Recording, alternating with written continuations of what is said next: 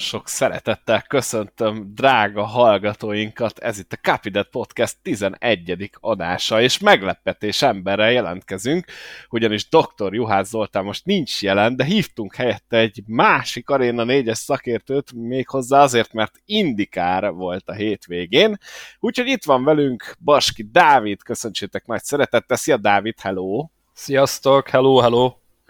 És aztán a jól megszokott hangok, Rós András, a 500 Miles főszerkesztője, szia Andris! Hello, sziasztok! És Molnár Dávid, az Eurosport kommentátora és a 500 Miles szerkesztője, hello, hello! Hello, sziasztok! Na, ahogy már említettem, IndyCar Barber Motorsports Park forduló volt a hétvégén, én azt gondolom, hogy összességében egy jó versenyt láthattunk. Nem sokára belemegyünk a részletekbe, de mondjátok el, hogy ti hogy éltétek meg ezt a futamot, mit láttatok a hétvégén. Kezdjem én? Mert hogy nagyon mindenki csöndben volt. Kezdje te, persze.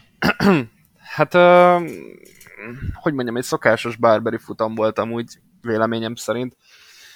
Um, nagyon sok mindent nem lehet kiemelni a futam elejéről, mert lényegében ahogy elrajtoltak, nagyjából úgy is maradt a mezőny.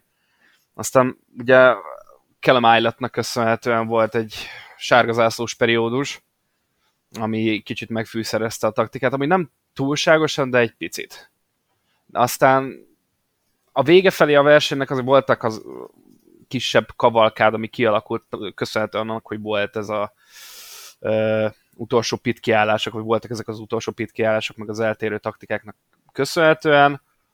Úgyhogy lényegében azt, azt tényleg nem tudom más mondani erre az egész hétvégre, vagy erre az egész futamra, mint egy, egy szokásos bárberi hétvége, talán egy picivel jobb volt, mint az átlag. Hát azért ne bagatelizáljuk el ennyire Callum a balesetét, mert, mert gyakorlatilag Colton Hertának és ez a bajnoki élovas, illetve hát a forduló előtti bajnoki élovas Joseph Newgardennek ott mentünk rá a versenye. Ha, ha összejön ez a három kiállásos taktika, akkor, akkor egy-kettőbe lettek volna valószínűleg, aztán majd a, nyilván a végére kialakult volna, hogy, hogy ki hol végzett volna, de, de igen, tehát ugye a, a verseny végi taktikák is fontos szerepet játszottak, mert pont ugye Rinus VK nyilatkozta le a végén, hogy, hogy ebbe kell még fejlődnie, meg ugye a többiek is lenyilatkozták, hogy a kivezető és a bevezető körök gyakorlatilag egy ilyen pályán, ahol ennyire nehéz előzni, nagyon fontosak és hát ugye Palu is jobb volt a bevezető és kivezető körében nála, meg hát uh, Ovord is, úgyhogy, uh, úgyhogy gyakorlatilag ott buktál az egész versenyt úgy, hogy, uh, hogy előtte meg annyira magabiztosan vezetett, hogy, hogy nem számíthattunk arra, hogy, hogy őt bárki meg tudja majd itt verni.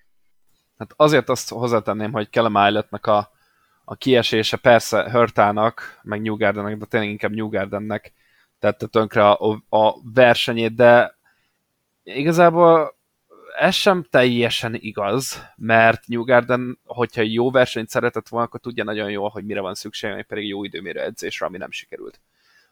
Ez az egyik fele. A másik fele, hogy Hörta ott volt azért a top 10-ben bőven, és nagyon szépen menetelt előre a verseny vége felé, csak hibázott. Már megint. És az a nagy baromi nagy szerencséje, hogy abba a hibába nem volt benne egy, egy törés, mert bőven előfordulhatott volna, hogy esetleg a falban köt ki, és megint egy nem nullázós, de megint egy utolsó helyes pontszerző pozícióban fejezi be a versenyt, ami hát eléggé megpecsételte volna nem csak a 2022-es szezonját, hanem ugye a renoméját is, ami már eléggé az én szememben egyre meredekebben csökken lefele kezdjük akkor szerintem végigvenni, itt belenyoltunk egy-két témába, de akkor menjünk végig a hétvég eseményein, ugyanis én a kvalifikációval kezdeném, ugye említettétek is, hogy, hogy jobb kvalifikációra lett volna szükség egy-két versenyzőnek, de akinek nagyon csúnyán félrement, az pont Rossi volt, aki összetört az autóját elég rendesen. Mm, mit gondoltak arról a balesetről, mennyiben volt az Rossi hibája? Ugye itt annyi történt, hogy konkrétan lement a pályáról és falba vágta. Ti hogy láttátok ezt az esetet? Hát ö, nem az időmérő történt az, hanem a második szabadedzésen az időmérő előtt, és versenyfutás... Bocsánat, igen, yes.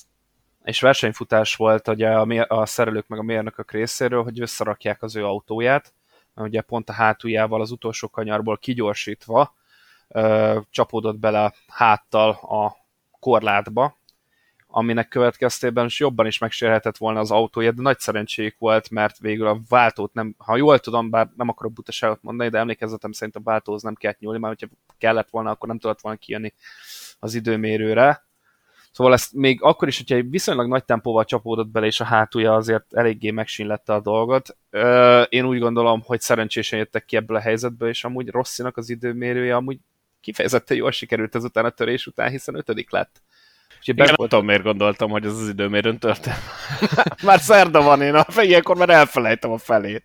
E, nem baj, előfordul nyilván, de való, tehát én, én pont azt emeltem ki, meg ugye, hát most ez tény. Tehát, tehát ugye Makával ketten közvetítettük, és pont arról beszélgettünk, hogy meg is mutatták nekünk ugye a kollégák ezt az esetet az időmérő alatt, hogy mi történt Rosszival, meg hogy az utolsó pillanatban készült az autó és jött ki, és nem találtak hibát benne, és, és arról beszélgettünk, hogy ez volt talán az egyik legjobb időmérő edzése az elmúlt időszakban Alexander Rossinak. Lehet, hogy arra van szüksége, hogy összetörje egy kicsit az autóját így az időmérő előtt, amit jobban felspanolódik, vagy pont ekkor süti el ezt a hibáját, amit megszokhattunk tőle, és emiatt jól szerepel majd az időmérő, vagy éppen a verseny során.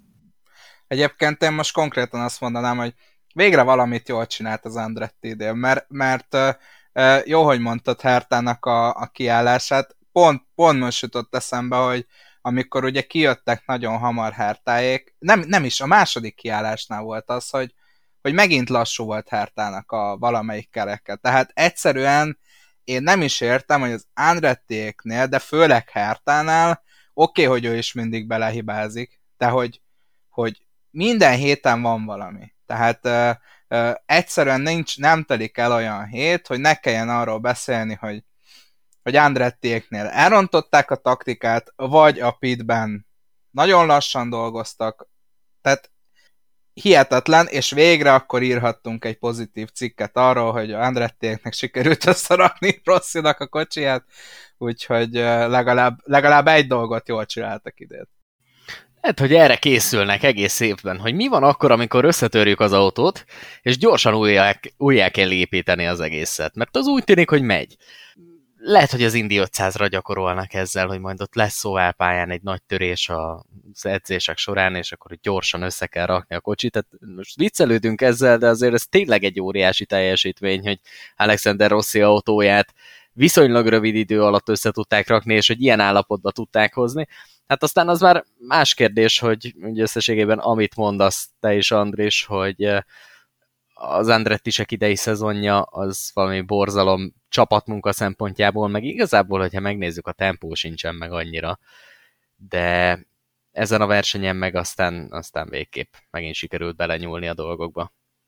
Mennyire mélyen akarunk belemenni amúgy az időmérő elemzésében, csak azért is, mert én nekem vannak negatív figurák erről a, az edzésről. Tehát például én sokkal többet vártam volna Christian Lungártól, mert amit elmondott, meg hogy mennyire bizakodóan várta Barbert, na ahhoz képest elég gyengére sikerült neki ez, mert, mint tudjuk, itt tesztelt először Indikár autóval, ez az egyik legismertebb pálya számára Indianapolis mellett, mint a Road verziója mellett. Úgyhogy számomra ez volt az egyik negatív vum az időmérő edzésről, hogy Lungárnak ez, ez nem sikerült, megint csak nem sikerült bizonyítania, pedig Évelőtt pont azt gondoltam volna, vagy arról beszélgettünk, hogy ő lehet a, az év újonca, na most ez egy kicsit kezd bennem megkérdőjeleződni. Meg lehet-e róni a rúkikat? Ugyanis ti is nagyon sokszor elmondjátok a közvetítésben, hogy, hogy nehezen tanulhatóak ezek a lágyabb és keményebb keverékű abroncsok, főleg ugye időmérőn nagyon, illetve hát az egész hétvége során például nagyon kevés idejük van arra, hogy, hogy megszokják a, a piros gumit, a lágyabb keverékű gumit az időmérőre.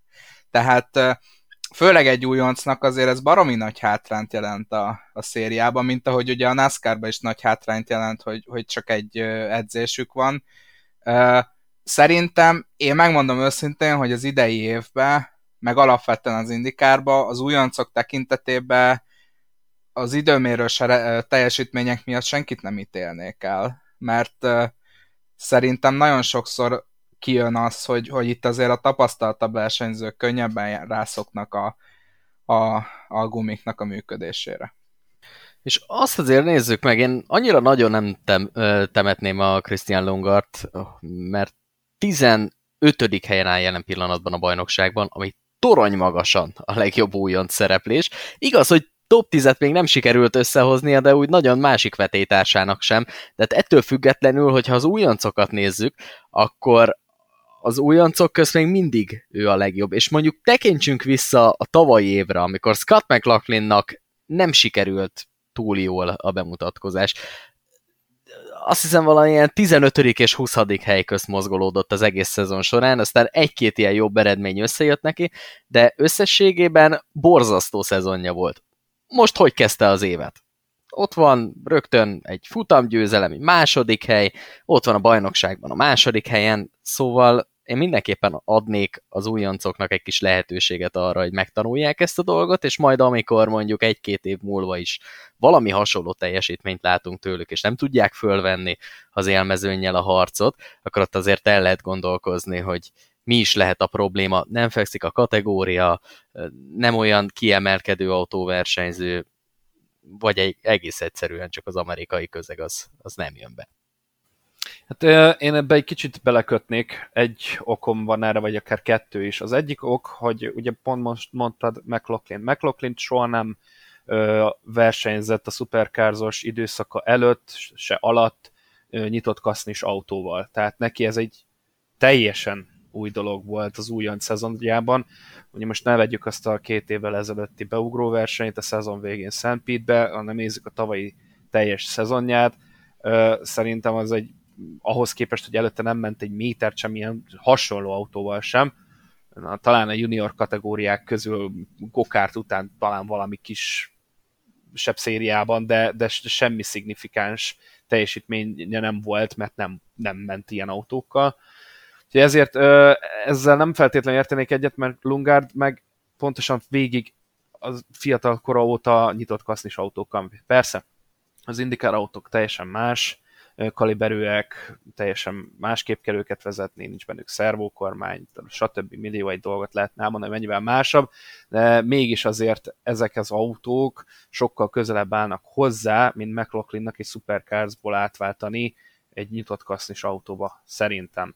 Úgyhogy, e, és ugye ez egy épített pálya volt, tehát azért mm, kicsit értem, amit mondasz, és van is igazság abban, amit mondasz, de azért sem feltétlenül értek egyet, hogy igen, Lungard elő van a tabellán az újoncokhoz, az újoncokhoz képest a tabellán nagyon elő van, de, de ez azért hozzájárul az is, hogy azért nem egy gyenge csapattal megy. Tehát a, a Réholos csapat azért nem azt mondom, hogy messze a legjobb, mert ez hazugság lenne, mert De Francesco-nak az Andrettis csapata az azért jóval erősebb még a Réholos csapatnál is, de a többiek, mint Kyle Kirkwood, vagy David Malukas, vagy Callum Eilert sokkal gyengébb csapatokkal kell, hogy helytálljon. Tehát, hogyha ténylegesen mondjuk beültetnéd Lungardot Kirkwooddal egy Penske-be, egy idei Penske autóba, a lehető legjobb mérnöki gárdával, szerintem messze menően Kirkwood lenne jobb, de azért, mert ő ezeket az autókat jobban ismeri a Road to Indy program keretén belül, még akkor is, hogyha nem ugyanolyanok, de azért közelebb állnak hozzá, másrészt ismeri a pályákat, tehát ennyi előnye lenne Lungárdal szemben. Úgyhogy e, ennyi ezzel kapcsolatban szerintem. Én szerintem az indikár az még a Formula autós kategóriák közt is eléggé speciális. Olyan szempontból, hogy itt azért egy nagyon erős autókategóriáról van szó, amiben például nincsen szervókormány. Hogyha rótpályákról vagy utcai pályákról beszélünk, akkor itt teljesen eltérő irányba mentek el ahhoz képest, amit Európában megszoktunk. Lévén Európában általában a pályák azok simák, már olyan szempontból, hogy nincsenek bennük bukkanók, vagy legalábbis nem olyan nagyon sok. Ezzel szemben itt Amerikában csak bukkanókkal találkozol, utcai pályák minősége az európai szemmel nézve borzasztó, és nyilvánvalóan ilyen felületen, ilyen pályákon, ilyen körülmények közt teljesen máshogy kell vezetni egy autót, mint azt mondjuk az előző tíz évben megszokta különböző kategóriákban a Formula 2-ben, vagy még előtte egyéb más junior kategóriákban. Tehát ilyen szempontból én az indikár előtti, az indikáros pályafutástól eh, én egy kicsit, kicsit elválasztanám. Én azt mondom, hogy adjunk időt. Egyetértek, és, és még azt is hozzátenném, hogy azért, azért Lungard nem olyan újonc, mint például mint Grozan, vagy mint Ericsson. Tehát, hogy nagyon Forma 1-ből jöttek át, vezettek nagy teljesítményoltót, tehát azért Lungard is csak a nevelő szériákba ment, nem egy, nem egy öreg versenyző, és nagyon fiatal versenyző. Az utolsó újonc versenyző, akit, akit, akire én így vissza tudok emlékezni, hogy kiemelkedően, kiemelkedően jó teljesítményt nyújtott, az pont Colton Hárta volt 2019-ben talán. Tehát azért az indikárt én tipikusan, én is tipikusan olyan sportágnak tartom, meg olyan szakágnak tartom, ahol elsőre nagyon-nagyon-nagyon-nagyon kiemelkedő tehetségnek kell lenned, hogy azonnal berobbanja a mezőnybe, és azonnal a futamgyőzelmekért harcolj, vagy akár top 5-ökért harcolj. Én nekem egyet kell értenem Ulvarral a témában egyébként, mert szerintem egy Ray Lederman Lanigan Racingben ülni lényegesen jobb alap, mint abban az AJ Foytban, amiben a csapattársad Tatjana Calderon és Dalton kellett, amivel hát, ha most belegondoltok és összedugják hárman a fejüket, akkor nem biztos, hogy túl sok jó születik. Inkább, hogyha Kirkwood a saját útját járja, azzal, azzal előrébb van, és azért a Lungárnak szerintem kicsit jobb a szupportja, és nem kicsit jobb a csapata. Ugye, hogyha itt a Calumilottal is hasonlít rakjuk össze, akkor ő pedig a Junkosznál megy, szóval igen. Nagyjából én azt látom kirajzolódni most a tabellán, hogy ki milyen csapatnál, milyen autóban ül az újoncok között, de ha így ránézésre meg kéne mondanom, hogy ki a legjobb, akkor, akkor én is azt mondanám, hogy Kyle Kirkwood.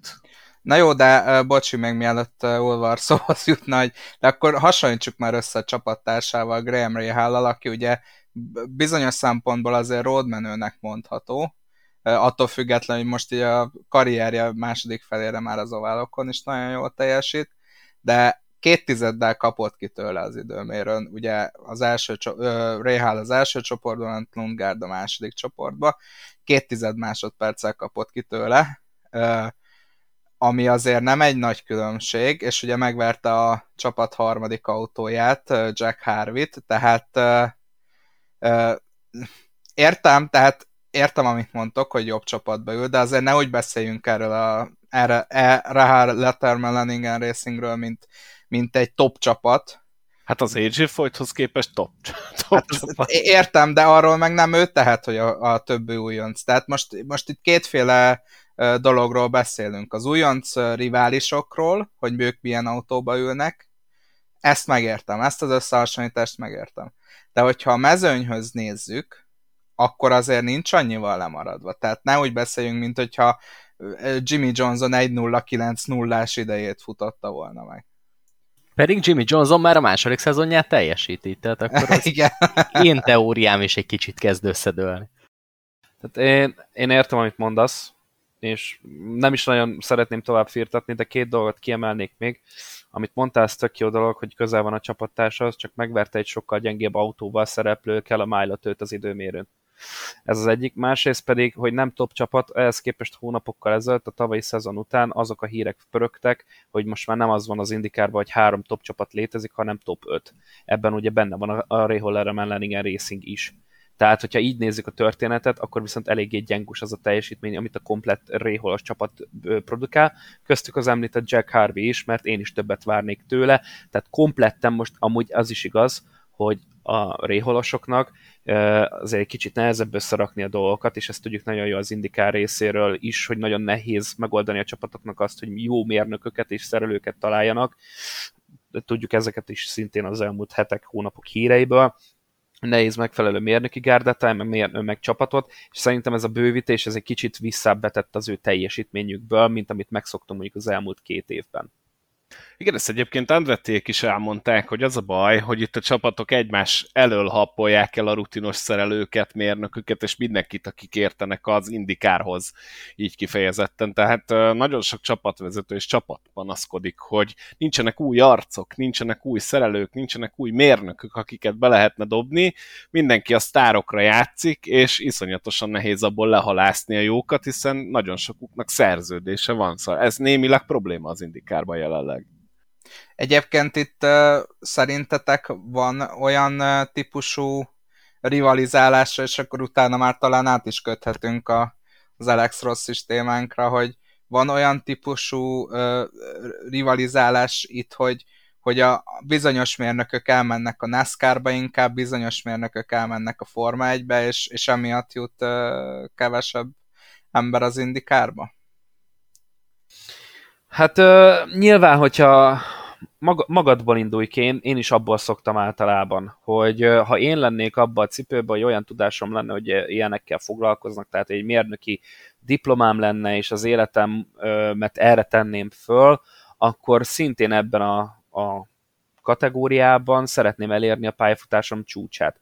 Most mi Amerikában a, a csúcsa a mérnöknek az autósportokon belül? A NASCAR. Akárhogyan is nézzük, meg e, sok európai, meg magyar néző azt gondolja, hogy mennyire egy egyszerű dolog NASCAR autót beállítani, mert csak balra mennek új is többségében, bla bla bla, ez egy butaság, tehát hogy borzasztóan nehéz beállítani ezeket az autókat úgy, hogy te legyél a legjobb. Egyszer. Kétszer, hogyha kapsz egy ajánlatot a Formula 1-ből, nem fogod visszautasítani, egyrészt a pénz miatt, mert nyilván többet kapsz a NASCAR-ban és a Formula 1-ben is, mint mérnök.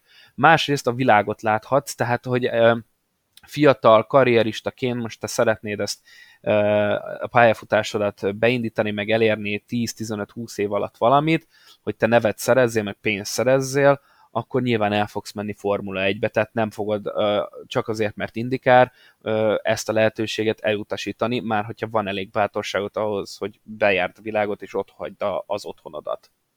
Igen, de teljesen más kávéház szerintem a NASCAR és a Forma egy, egy mérnöknek, és pont ezt láttam én problémának, amit itt említettek, hogy van elvándorlás, és ugye a nagyöregek, akik az indikára tették fel az életüket, nyilván már nem fognak váltani, és ezek a szakemberek fogynak el, és ezeket happolják el a csapatok egymás elől. Na most utána az, hogy őket fiatalokkal pótolni, akik hosszú távon maradnak az indikárba, az a nem egyszerű. Mert nagyon sokan, én azt gondolom legalábbis, hogy ugródeszkának használják a szériát, és pontosan ezért nincsenek már vagy egyre kevesebben vannak azok az arcok, akik azt mondják, hogy indikárt egész életemben, és ott lesznek sztárok. De szerintem ez is egy út, hogyha az indikáron belül te igazán neves sztármérnök vagy, és nem mész el, akkor szerintem fizetésben azért meg tudod kapni azt, amit mondjuk a NASCAR-ba, ahol jóval nagyobb a konkurencia, mert jóval több a csapat, azért be kell vallani, hogy még Amerikában is népszerűbb a NASCAR, tehát nagyobb lesz a konkurenciát. Én azt gondolom, hogy abszolút járható út lenne a fiataloknak, hogy sztármérnökök vagy sztárszerelők legyenek az indikárban, mégis a csapatvezetők elmondása alapján egyre kevesebben választják ezt az utat, és ez itt a probléma. Én ezt értem, és, és egyébként én ezt föl is rónám a, az indikált csapatok számára, számlájára, meg a széria számlájára, ugye, és rengeteg olyan hírrel találkozok, aztán Ulvar kijavít, hogyha, hogyha ebben tévedek, rengeteg olyan hírrel találkozok, hogy a NASCAR-os csapatok ilyen egyetemi ösztöndíj programot indítottak, olyan egyetemi ösztöndíj programot indítottak, az F1-be is ezer ilyen van, az Indikárnál, hogyha jól emlékszem, akkor talán pont Ray Halléknál uh, olvastam ilyet, és ennyi. Tehát uh, uh, nyilván itt azért olyan költségvetési csapatok vannak, akik körülnek, hogy kijuthatnak a, a, a gridre, a rajtrácsra, és, és azután még, hogy esetleg még ösztöndíj programot is csináljanak, arra, arra elég kicsi az esély. Hát megmondom őszintén, hogy most én is emlékszem ezekre, de pontosan idézni nem tudok ezekből, és azért nem akarok butaságot sem mondani, de azt azért tegyük tisztába, hogy az indikár majdnem úgy voltunk vele, és vagyok be őszintén, hogy közel álltunk mi is hozzá, hogy azt kijelentsük, hogy, hogy lényegében egy halott széria. Tehát a, a Covid miatt, meg az az előtti éra, a Penske éra előtti korszak mert azt éreztük, hogy valahol megrekedt a széria, és, és egyre inkább nem úgy megrekedt, hanem süllyed. Csak csökken, csökken a nézettség, ugye a televíziós nézettségeket hétről hétre közzé teszik különböző hírportálok, és idő kell ennek a Penskis érának, hogy beérjen, és hogy nagyobb színteret kapjon a televízió kész, képernyőin, tehát hogy több nézettséget érjen el, több pénz jusson az indikárba, stb. stb. Minden, minden visszavezethető az anyagi dolgokra. És emiatt gondolom azt, hogy időt kell hagyni az egész komplet szériának, hogy, hogy megtalálja a hibáit, elengedjen olyan dolgokat, amiket el kell engedni, és új dolgokat vonzon be, és próbálkoznak is ezekkel, de ez nem fog így egy csettintéssel megtörténni. Tehát ehhez azért évek kellenek, és szerintem nagyon jót fog tenni ennek az egésznek majd az új motorformula is, meg az új kaszni is, meg hogyha lesz új motorbeszállító, és így tovább, és így tovább. Tehát ha, ha megújul az egész technikailag, akkor lehet, hogy még vonzóbbá válik az egész széria, nem vagyok benne biztos, de reménykedem benne, hogy ilyen lesz a mérnökök szempontjából, meg a szerelők szempontjából, meg a befektetők, tulajdonosok, pénzmágnás, tehát hogy a pénzes milliárdosok, akik ebbe szeretnének belefektetni pénzt, mert nekik meg ugye az üzlet az üzlet, tehát hogyha valami jövedelmező, abba úgyis belefektetnének. Szóval meglátjuk majd, hogy mit hoz ilyen téren a jövő, én bizakodom, mert eddig szerintem Roger Penskék nagyon jó munkát végeznek, még akkor is, hogyha vannak problémák, de, de szerintem összegészében azt elmondhatjuk, hogy zseniális, ami eddig történik, mert azért mégiscsak 20 hat autót láthatunk állandó jelleggel a pályákon. No, menjünk végig a versenyen. Én azt javaslom, az első felében nem nagyon történtek látványos dolgok, kivéve, és a 16. körre térnék itt, amikor a már emlegetett Colton Hörta meghúzta egy kicsit a váratlant, és csapattársa Roman Grosjean mellé. Hát gyakorlatilag beszendelte a T1-be az autóját, Grosjean nagyon okosan el is engedte Hörtát, aki teljesen túlfutott a térgyel, és a bukótérből jött vissza. Szerintem ez volt az első momentum a futamon, ahol egy picit fel lehetett sziszenni. Mit gondoltok Hörtának az ilyen manővereiről, és itt bedobnám azt is, ami hír, illetve nem is azt mondanám, hogy hír, hanem plegyka, de ugye olvasható a 500miles.hu-n, hogy Herta válthatja Daniel Ricciardót a McLarennél a Formula 1-ben. Mit gondoltok, hogy az ilyen manőverek mennyiben segítik Herta útját az F1-be, mert szerintem nem nagyon.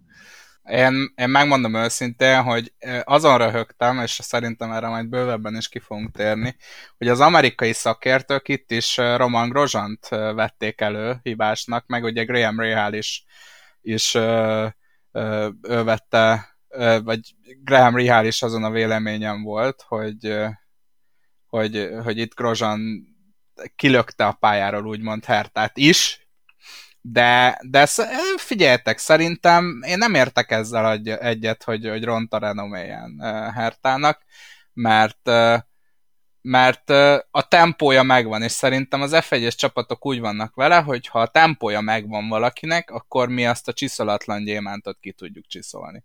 És főleg, hogyha a McLarenről van szó.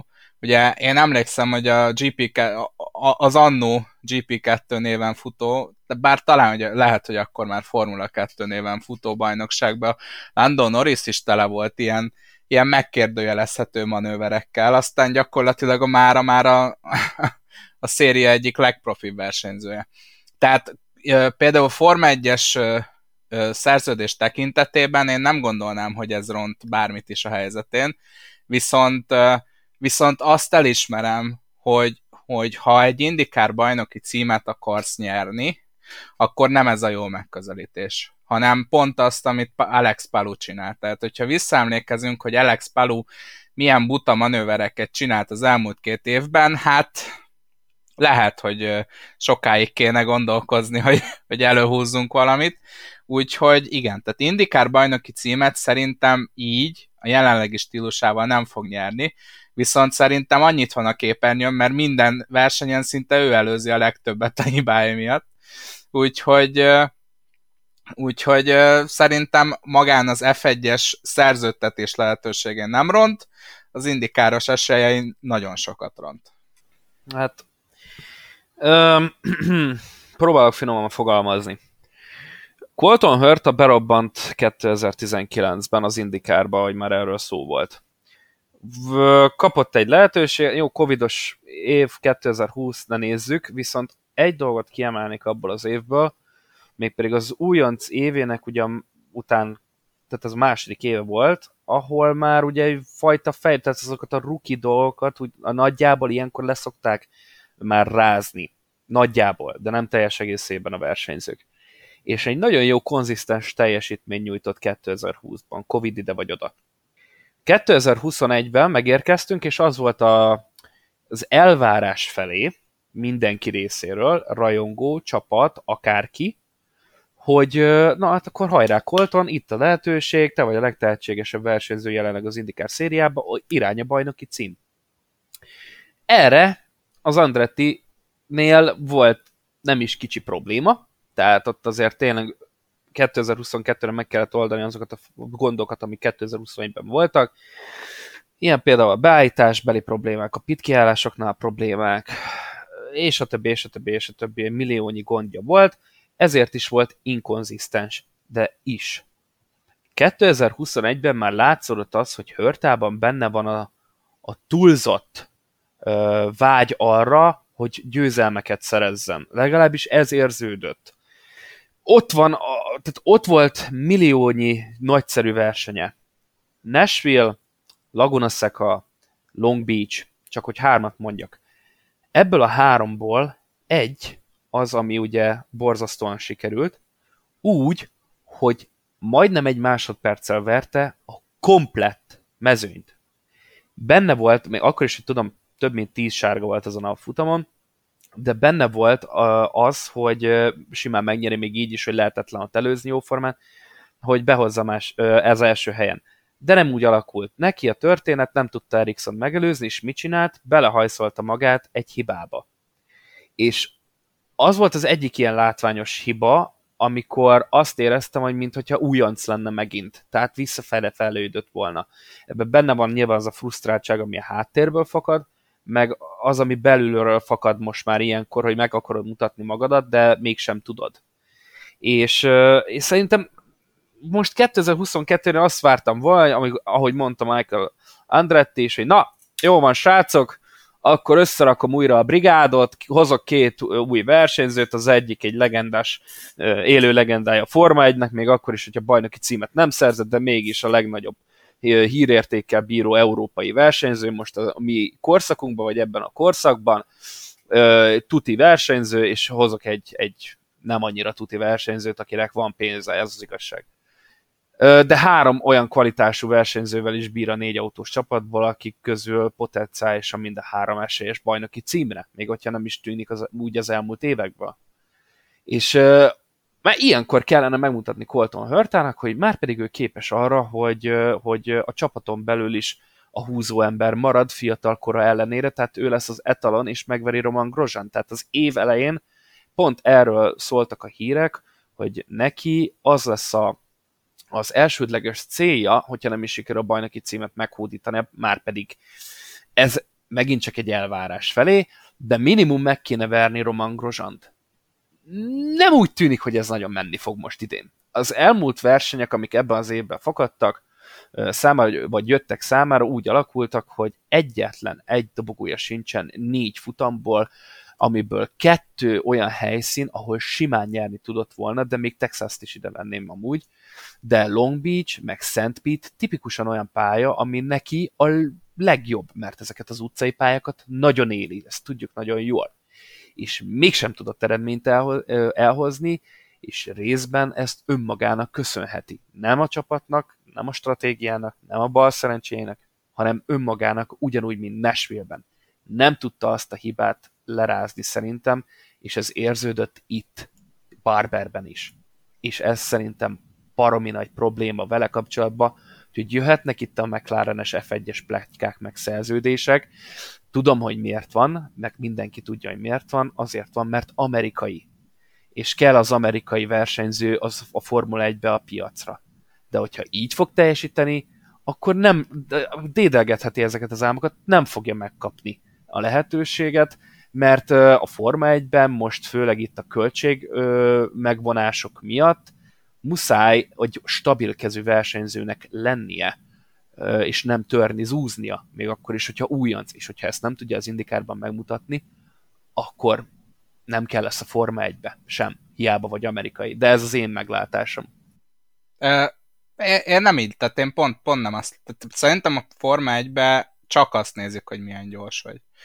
Verstappen is tört és zúzott, és, és őt is, sőt, ő még ugye a for, értem a, a sapkát, a, a, hát nem fizetési sapka, hanem, hanem költségvetési sapka, tehát értem, hogy van ez, de, de ha megvan a nyers tempód, és, és számomra ez a kérdés, hogy nézzük meg az Andretti Autosportnak az eredményeit, meg az Andretti Autosportnak a teljesítményét. Ugye Roman Grosjean hetedik lett, de Isten igazából nem volt gyors. Tehát számomra az a kérdés, hogy Hörtának mennyire kell a határon mennie, hogy ez, ezt a tempót tudja, és, ezzel az autóval. És szerintem sok esetben ez okozza a baleseteket, hogy ő is tudja, hogy nekem az első helyen kéne mennem, ha egy normális stratégiát csinálnak nekem. Ha egy normális ö, ö, kiállást meg tudna csinálni a box csapatom. Ha végre, tehát értem, hogy Herta is hibás ebben, de amit te is elmondtál, én ezt abszolút a frusztrációnak írom fel. És méghozzá a saját csapatában való frusztrációnak. Igen, csak a, én annyival egészíteném ki ezt, és nagyon jó a felvetés, amit mondtad, hogy mennyire kell bevállalósnak lennie ahhoz, hogy ezt a tempót hozza. És szerintem Hörta pont azokon a, pont azért nagyon gyors az utcai, meg szűk pályákon, mert iszonyatosan bevállalós. Csak ez a bevállalóság az, ami miatt egyébként el is szórja az autót. Igen, Grozan nem ennyire bevállalós, csak Roman Grozan a hetedik a bajnokságban, és be is, be is jött most is a futamon a hetedik helyen.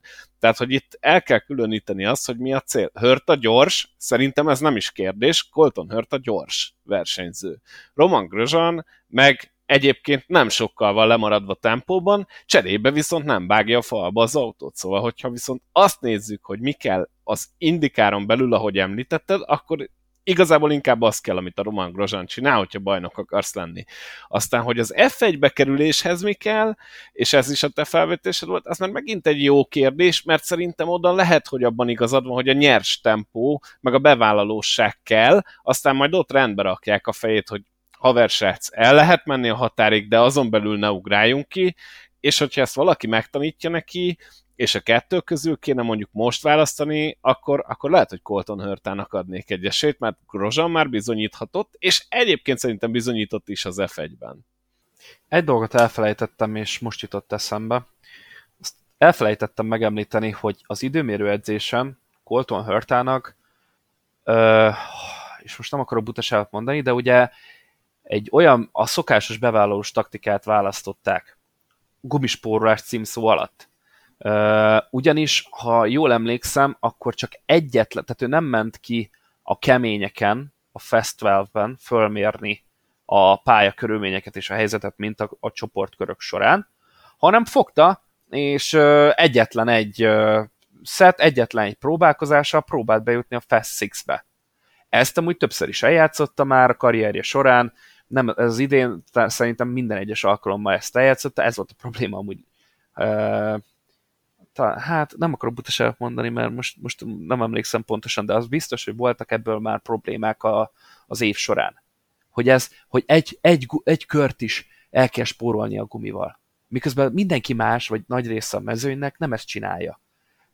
Persze ér valamennyit az az egy kör elspórolt gumi, de nem annyit, hogy ezért te pozíciókat veszíts egy olyan pályán, ahol tudod nagyon jól, hogy nem lehet előzni. Tehát ez megint persze Hörta is részben, meg a csapat is részben hibás ezért, hogy ezt a taktikát választották. És panaszkodott a rádión, hogy miért ezt a taktikát választottuk. Miért nem mondod azt, hogy nem ezt szeretnéd a használni? Miért, miért, miért nem vagy bevállalósabb, és szólsz oda, hogy srácok, én nem ezt akarom, hanem most ezen a pályán tegyük oda magunkat az időmérőn, és ne foglalkozunk azzal, hogy mi lesz majd a verseny során, pláne tudva azt, hogy előfordulhat nagy esélye, hogy esni fog, és teljesen használhatatlanok lesznek a száraz pályás gumik ami végül nem így alakult, de nagy esély volt rá. Szóval érthetetlenül állok a dolgok előtt, amit itt történnek az Andretti autósportnál jelenállás szerint, meg Colton Hurt a körül. Én, én az utolsó megjegyzés, illetve az utolsó előtti megjegyzéseddel értek egyet, hogy szerintem ezt a csapatnak kéne ráerőltetni. Tehát nekik kéne azt mondani, hogy figyelj, Colton, ezt csináltuk a múltkor, most megpróbáljuk máshogy. És, és, és itt már megint, tehát értem, hogy mondja azt, meg álljon ki, de ne a versenyzőnek kelljen már ezen gondolkodnia. Tehát a Forma 1 sem mondjuk azt, amikor a Ferrari az elmúlt években 28-szor elrontotta a stratégiát, hogy miért nem kezdett el gondolkodni a, a Leclerc, meg miért nem kezdett el a Sainz gondolkodni a verseny közben. Mert ilyenkor jönnek még a plusz hibák. Tehát amikor még a versenyzőnek még erre is kell figyelnie, akkor, akkor ne csodálkozzunk, hogy, hogy ennyi hiba benne van. De azért én ezzel most teljesen nem értek egyet, mert szerintem nem egy, nem két versenyző van, aki a Forma 1 is azt mondja, hogy nem, nem ezt csináljuk, mert nem látom jónak, gondoljátok át. Ha mostani versenyzők közül kéne mondanom, akkor akitől én ilyet hallottam, az Max Verstappen, Lewis Hamilton, mondjuk Sebastian Vettel, ők biztosan tudom, hogy ők mondtak ilyet, és igenis változtat a csapat. Szerintem egy versenyzőnek, aki bent ül az autóban, igenis van joga ahhoz, hogy megkérdőjelezze a csapat döntését, aztán majd megvitatják. Mert azért hallottunk olyan választ is csapattól, hogy ezt nem most fogjuk megvitatni, ez így lesz pont. De volt olyan válasz is, hogy oké, okay, értjük, amit mondasz, akkor toljuk el a kiállást, vagy másik taktika. Tehát nem, nem feltétlenül gondolom azt, hogy egy versenyzőnek ne kéne ebbe gondolkodni, és aki például iszonyatos nagy ász volt ebben, az Mihály Sumár, aki miatt nem egyszer, nem kétszer változtattak taktikát. Tehát szerintem ezt jobban érzed belülről, és hogyha megvan a csapatoddal az az összhang, ami alapján kijön az, hogy na körülbelül akkor mi itt a pitfalon ezt gondoljuk, te ott azt gondolod, akkor rakjuk össze, és találjuk ki, kinek van igaza.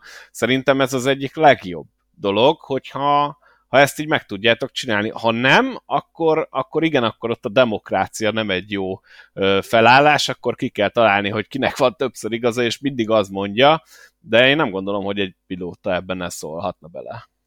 Én úgy gondolom, tehát hogy én teljesen egyetértek Boszkóval ebben a témában, mert igenis a versenyző az, aki az autóban ül, ahogy ő is elmondta.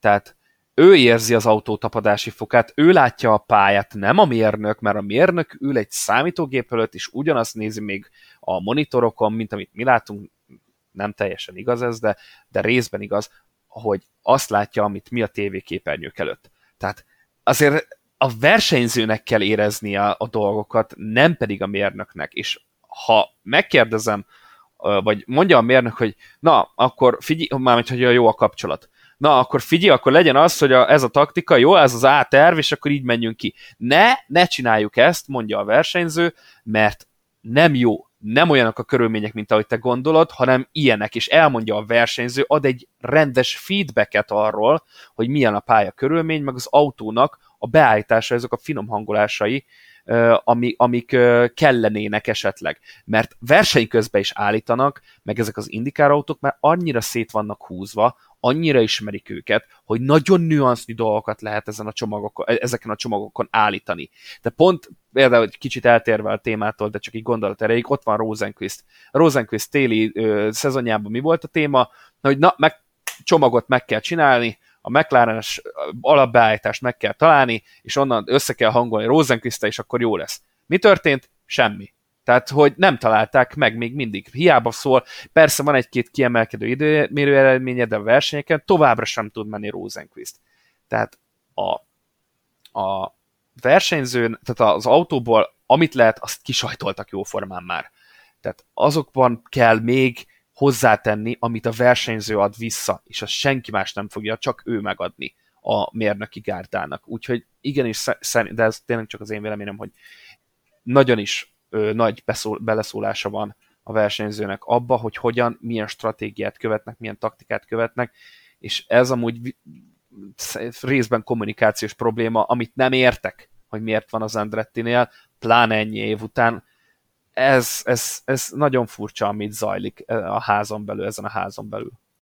Szerintem ezt a két dolgot, ezt egy kicsit külön kell szedni. Tehát ugye onnan indult ez az egész beszélgetés, hogy meg kell mondani a versenyzőnek azt bizonyos szituációkban, hogy mit csináljon a csapat.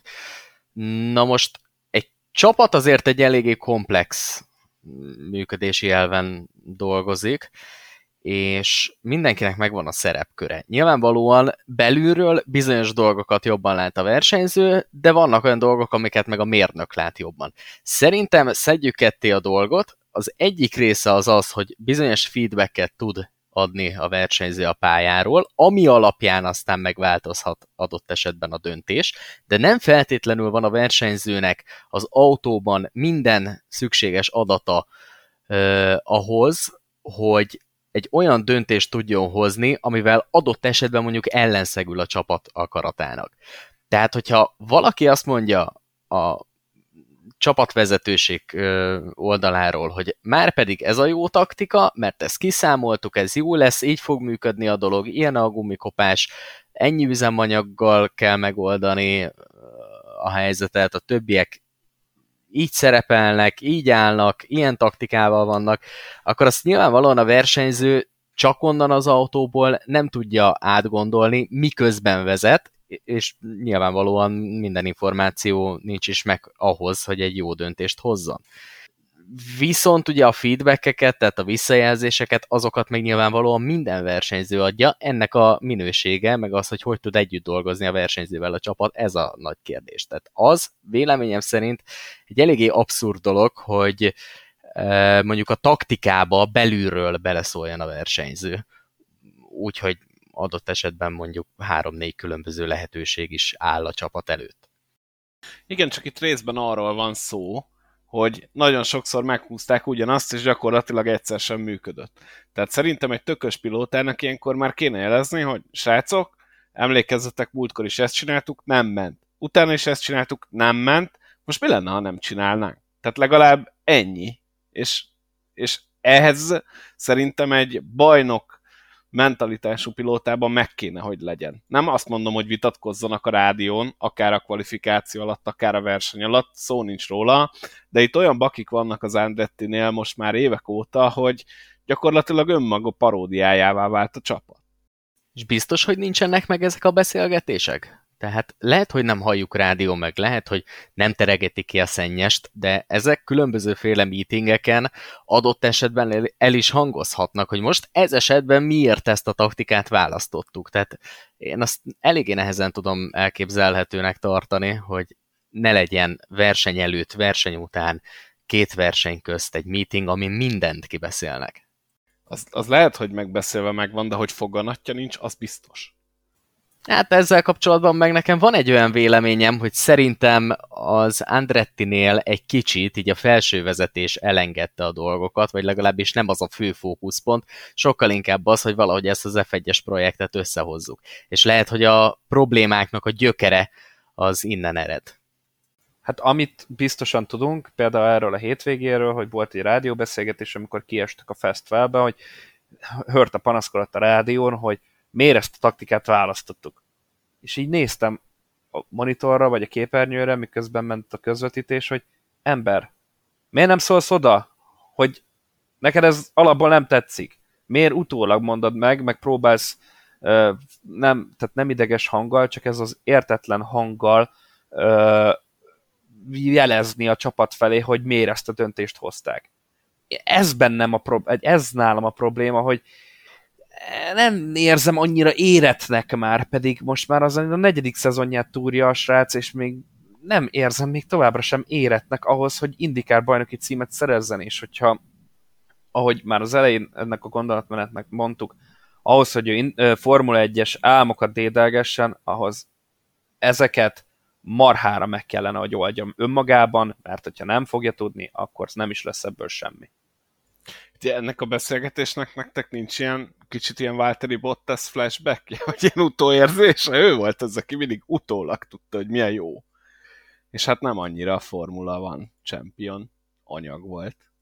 De nem akarom Herta érdemeit csökkenteni. Én egyébként nagyon bírom a srácot, meg már beszéltünk róla sokat az egyik adásban, csak ilyen szempontból, ahogy például a NASCAR-nál szoktuk emlegetni Cole Custer-t, ugye ilyen fejlődnie kell. Tehát az, a saját akaratát előre ö, rá kell tudnia valamilyen szinten, nem azt mondom, hogy teljesen, de valamilyen szinten erőltetni a csapatra, és nem tudom, hogy most ez azért van, mert előre ő sem tudja, és ez csak ilyen utólagos panaszkodás, vagy azért van, mert egyszerűen nem figyelnek rá. Ezt kéne tudni, ez a kulcsa ennek szerintem. Én, én, én nagyon magamra veszem ezt a Valtteri Bottas dolgot, én is nagyon bírom Kortot. Szerintem, szerintem a, te, annyival másabb a két versenyző, hogy azt elmondani nem tudom. Tehát pont Herta az, aki mindent is megpróbál a pályán, azért, hogy javítson a pozícióján, még, ahogy beszéltük, sokszor túl is megy a határokon. Bottasnál meg pont az volt az igaz, hogy soha nem látták kockázatos manővert tőle. Soha várjál, nem... várjál, bocs, mert a rádiózásról volt szó. nem a versenyzés, a versenyzés abszolút igazad van, ott 180 fok. De a rádiózások, ezek az utólagos panaszkodások, én Bottasztól hallottam sok ilyen. Hát persze, lehet, lehet, de szerintem ez inkább az Andretti autósportot minősíti. Minden esetre uh, én is nagyon amúgy bírom a hörtát, és ez a bajom nekem. Tehát, hogyha én az Egyesült Államokban tehát megválasztatnám, hogy hol éljek, én Kaliforniában élnék legszősebben, és ugye tudjuk, hogy hört a Kalifornia, és nagyon szimpatikus srác, tehát nekem én nagyon-nagyon megkedveltem a, az első szezonjában, főleg ugye a Kotán mutatott győzelmet, tehát hogy e, e, ez, ezek, ezek mind szimpatikus tették meg, az a tényleg az, az akaraterő, az a sebesség, az a tehetség, ami megvan benne, csak tényleg kellene mögé valaki, mert szerintem ebben van leginkább igazatok, hogy nincs mögötte egy olyan ö, ö, alakulat, egy olyan társulat, egy olyan menedzsment, aki tudná őt irányítani, tudná őt kezelni, és egy kicsit finom hangolni az ő, ő életét, úgymond. És, és szerintem minél tovább belemélyedünk majd ebbe a szezonba, és minél több ilyet látunk majd, annál rosszabb lesz majd számára ez a történet. Igen, csak pont azt mondom, hogy ezt nem tudjuk eldönteni innen kívülről, hogy ő vajon mondja ezeket előre, és utólag a panaszkodását ugyan bevágják, csak előre nem látjuk a meetinget, hogy ő elmondja, hogy nem ezt szeretné, és akkor is ez van. Szóval erre lehet jó az, hogyha esetleg mondjuk hört átmegy a McLarenhez a Forma 1 és majd ott meglátjuk. Na de menjünk tovább itt azért még voltak események a pályán. A 33. körben, ha emlékeztek, Elio Castro Neves és Callum Aylott csatáztak, aminek az lett a végeredménye, hogy Aylott ott a lefele sikánba kicsit túlszaladt, nem nagyon tudta megfékezni az autóját, és így bevágódott a porba, aztán picit meg is pörgette az indikár gépet, és ami ezután következett, és számomra ez volt a hétvégén az egyik legfurcsább baleset, ez jó pár körre később pedig már Elio Castroneves szintén egész egyszerűen ugyanitt hátulról belement Jimmy Johnson autójába, hogy ezt, ezt nem tudtam eldönteni, hogy az azért történt, mert Jimmy túl lassan ment, vagy azt Castroneves mérte el, de itt ebben a kanyarban, vagy ezen a részen a pályának azért voltak balesetek, és akkor ezután ugorhatunk majd a, a Réha Grosjean féle kakaskodásra. Mit gondoltok erről a két esetről, mit láttatok? Én nagyon bírtam egész életembe élni a Castro nevezt, most viszont felkerült a tiltó listámra. Úgy, nem, egyébként... Kész, megforgatta Jimmy. Igen. Úgyhogy, hát egyértelmű számomra, hogy Castro neves hibája volt, még akkor is, hogyha esetleg Jimmy vette túl lassan a kanyart, az, ez nem egy nem kifogás erre. Megkapta a megérdemelt büntetését, Úgyhogy úgyhogy ezzel kapcsolatban nem tudok többet mondani. Nyilván Castro neveznek se úgy alakult ez a hétvége, ahogy ő, ő szerette volna. Jimmy-t még, még mindig nem értem, hogy miért erőlteti a, az, főleg az Indy 500 előtti road versenyeket, ő esküszik rá, hogy hát már a bajnokságban ugye a Texas miatt azért ott elég sok jó pontot kapott, és hogy, hogy itt is gyűjtögetni kell a pontokat. Hát mindegy, ő tudja. Nyilván a szponzor is kötelezi arra, hogy X számú versenyen részt vegyen, úgyhogy uh, ott volt Jimmy is, meg ki kiforgatta Castro nevez, de ezen kívül más dolgot nem láttunk, se Jimmy-től, se Castro neveztől. Hát Kelem ez tényleg nagyon rövid rész lesz. Kelem kapcsolatban sokat nem lehet elmondani, túlvállalta magát, mert tudta egy nagyon jó pozícióban van, és tudja, hogy mekkora pontmennyiséget tudna a Hunkosznak hozni. Elrontotta kiforgott, elásta magát, és vége lett így a történetnek. Castro Neves meg, hát ezt most benézte. Tehát nagyon sok mindent ezzel kapcsolatban nem lehet elmondani.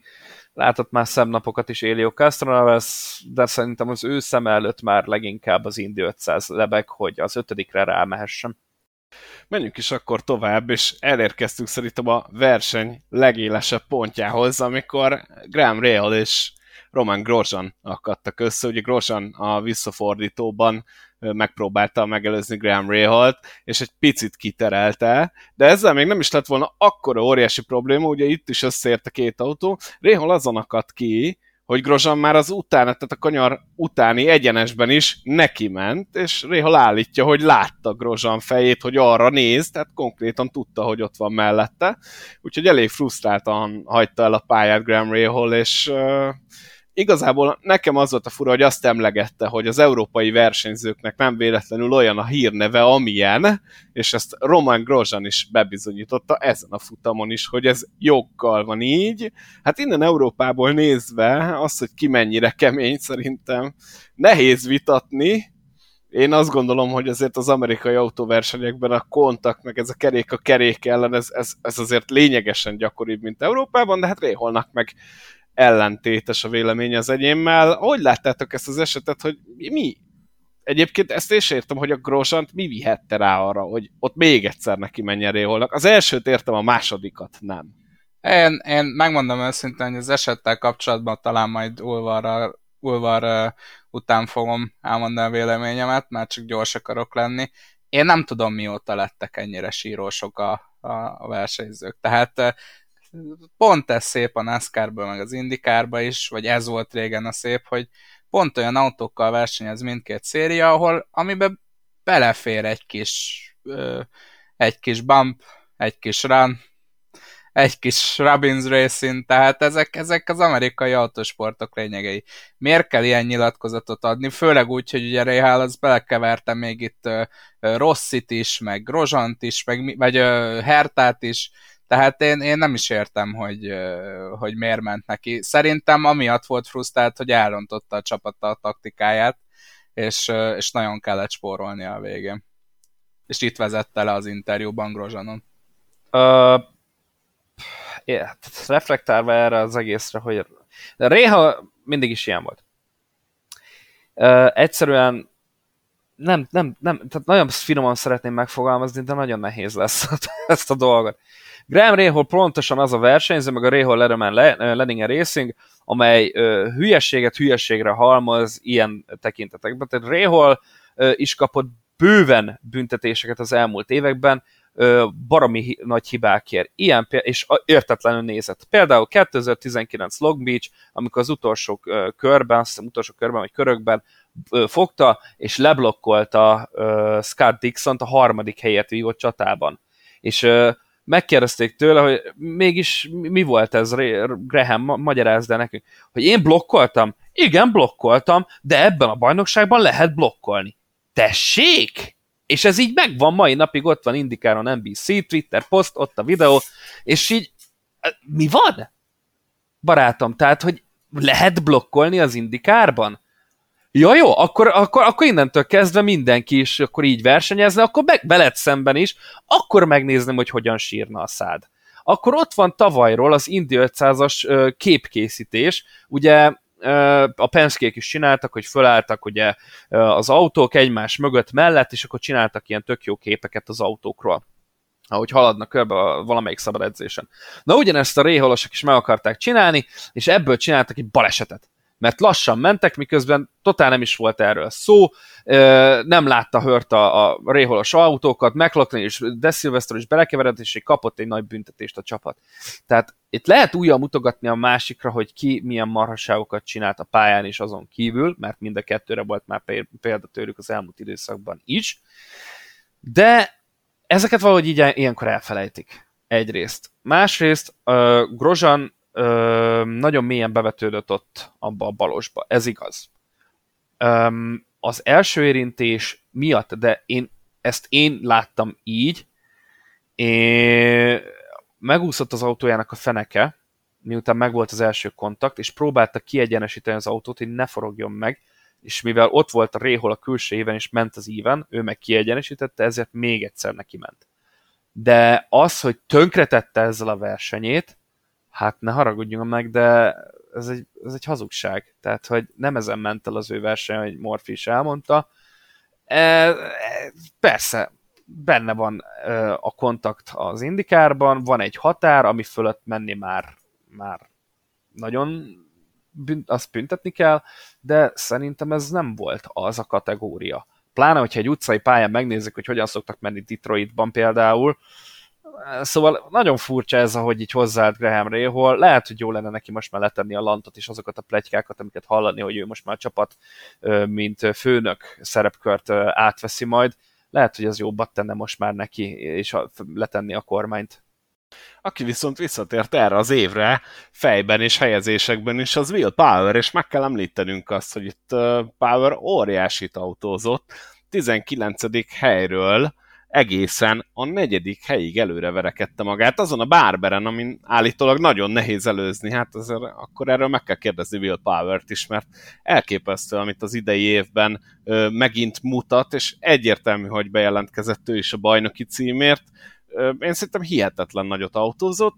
Ugye a verseny végén Peto Ovordot, ugye az Zero McLaren SP versenyzőjét intett el a kockás elsőként, de nálam a, a nap versenyző, vagy a hétvége versenyző ettől függetlenül real power, mondom úgy azt, ezt a dolgot, hogy a szívemhez azért közelebb áll a, a Zero csapata. Uh, mit gondoltok, Real Power tényleg tudja te, tudja-e ezt tartani évvégéig, vagy ezek csak ilyen fellángolások, bár eddig az összes versenyen fellángolt, úgyhogy nehéz az ügy. Én, én megmondom őszintén, hogy sose voltam nagy rajongója Will Powernek, sőt én itt valamelyik, talán pont a szezon előtti podcastban el is temettem a, az ő esélyeit, úgyhogy baromi nagy kellemes meglepetés, és, és vállalom, vállalom azt, hogy ezt nagyon benéztem, mert, mert eddig, eddig nem engem igazol Powernek a szezonja tegyük hozzá, hogy azért a Penske nagyon, nagyon jó idén, ha ez a Barberi eredményen nem is annyira látszik, nagyon jó a Chevy idén, és hát ki kell használni a Powernek, mert azért most már korba ő is kezd oda kerülni. Ugye az idősebb versenyzőkön azt látja az ember, nyilván Scott Dixon a kivétel, hogy ha az ovál versenyeken jók is tudnak lenni, a, a ródokon egy picit elkezd visszaesni a teljesítményük. És lehet, hogy ez az egyik utolsó olyan éve Will Powernek, hogy, hogy még valós esélye lehet a bajnoki címre. Úgyhogy szerintem nagyon ott van fejben. Én, én egyébként az Indy 500 titkos favoritjaként is tekintenék rá, úgyhogy, úgyhogy és a, ott ugye majd dupla pontokat osztanak. Az Indy Roadon nagyon erős szokott lenni, úgyhogy én nem lennék meglepődve, hogyha esetleg május végén úgy búcsúznánk, le, úgy búcsúznánk el a májustól, hogy Will Power lenne a bajnokság élén. Power rengeteget foglalkozott a mentális egészségével a, tav- a téli szünet során, ezt ugye ő maga is elmondta, és rengeteg olyan versenyző van a kétkerekű és négykerekűek világában is, akik ugyanezt elmondták, és hatalmas szintet léptek.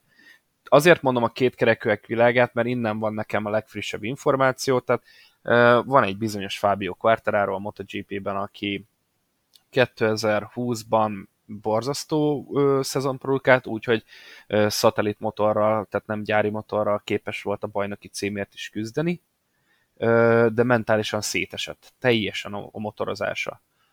Át ö, fogta magát, ö, elment pszichológushoz, foglalkozott a mentális egészségével, rá egy évre bajnok lett a gyári Yamahán. Ugyanez van most a Suzuki-s berkekben is, de ebben már nem megy bele. A lényeg az, hogy azok a versenyzők, akik rájönnek, még hogyha Willpower-nél ez hosszú-hosszú évekbe is telt, rájönnek, hogy a mentális egészséggel is foglalkozni kell, és nem mindig újra mutogatni a másikra, a, a csapatra, a feleségre, a kutyára, a macskára, hanem önmagára kell mutatnia és megoldani a belső problémáit, akkor úgy látszik, hogy akármennyire is idős Will Power, most már azért kijelenthetjük a maga 41 éves kor, 41 évével, nem a mezőny legfiatalabbja, de még így is képes harcolni a bajnoki címért, úgy, mint mondjuk tavaly előtt Scott Dixon. Tehát ennyi, ennyi kellett csak neki, kár, hogy ilyen későn ébredt rá, mert emiatt fog szerintem rengeteg bajnoki cím ö, miatt fájni a foga.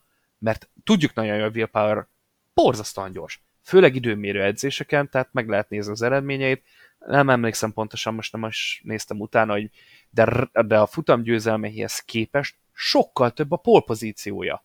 Nem egy tehetségtelen béna gyerekről van szó, egyszerűen ez a mentális egészsége, ez nem volt a helyén, nem volt helyén kezelve, most sikerült, és négy futamból négy top négyes helyezés, ugye egy harmadik hely és három darab negyedik hely, és tényleg innen fölállva, innen hátulról, hogy nem hisztizett meg, stb.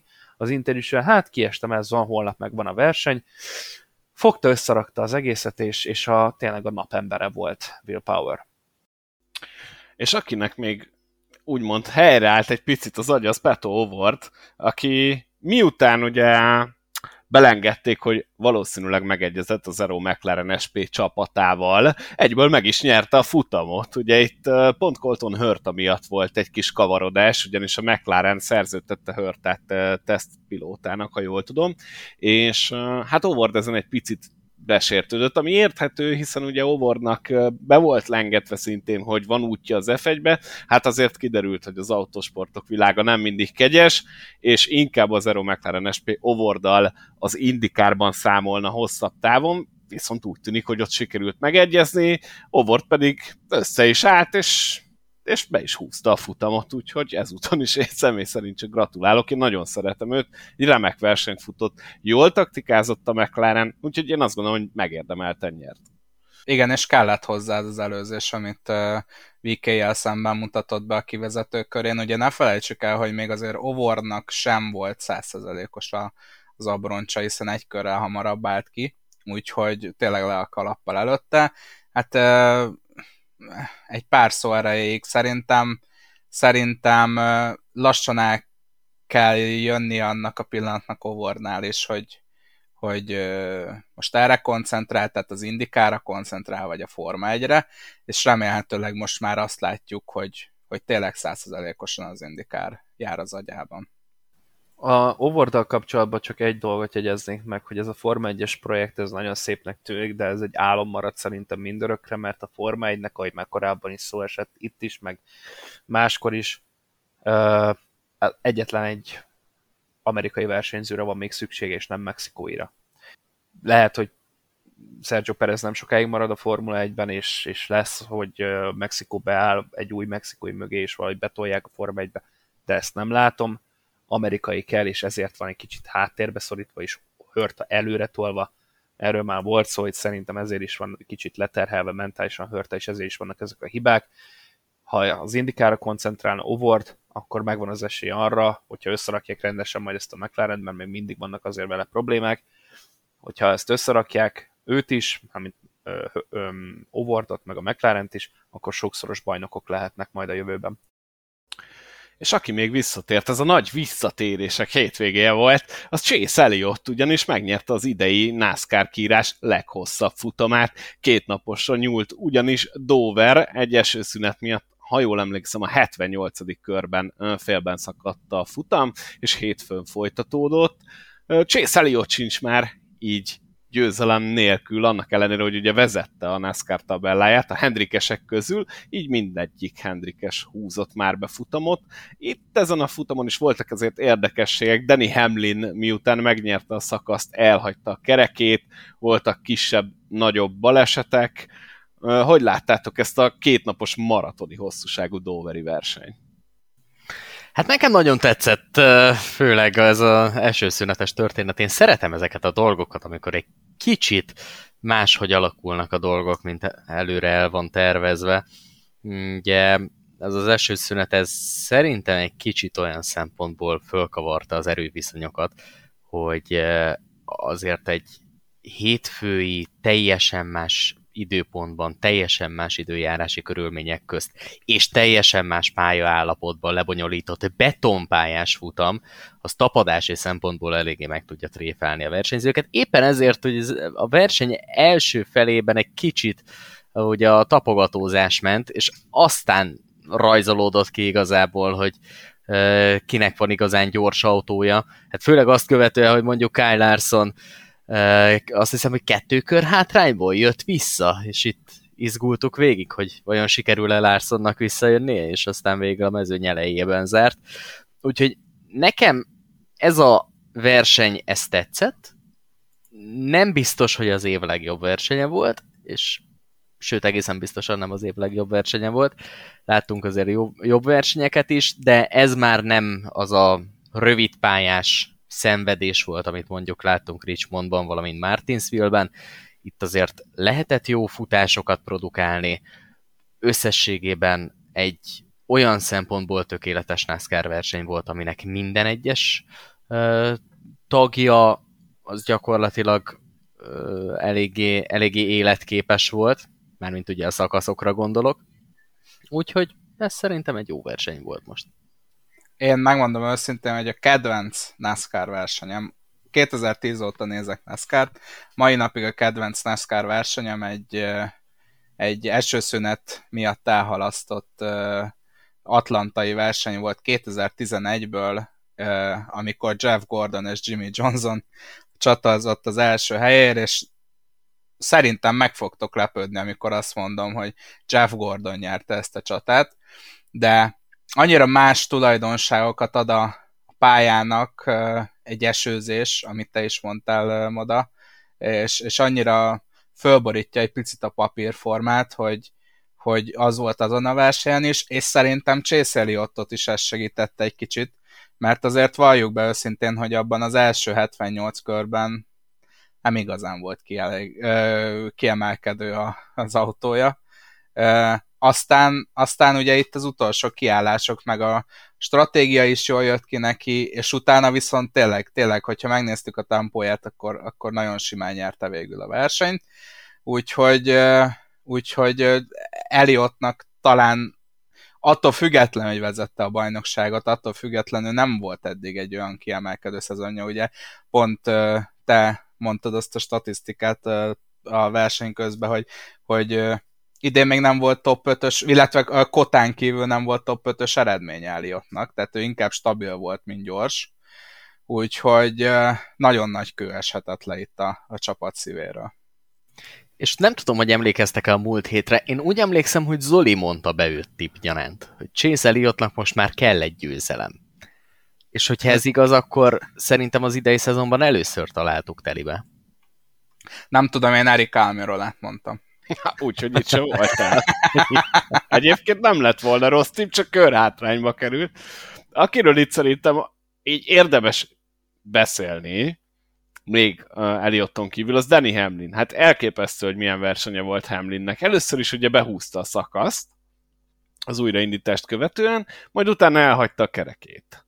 Ugye akkor körhátrányba került, kiment, visszajött, és egészen szürreális jelenetek zajlottak le, amikor Cody Ver a saját hibájából, illetve talán egy defekt miatt a falba csapta az autóját, és konkrétan a célegyenesben keresztbe csúszott a pályán, és végig engedte az autóját keresztbe csúszni a pályán, és szerencsétlen Hamlin próbált őt kikerülni, próbált őt kikerülni, de hát nem tudta, és konkrétan kimetszette Hamlin autójának jobb oldalát. Mit szóltatok ezekhez a képsorokhoz, és Hamlin igencsak bal szerencsés versenyéhez?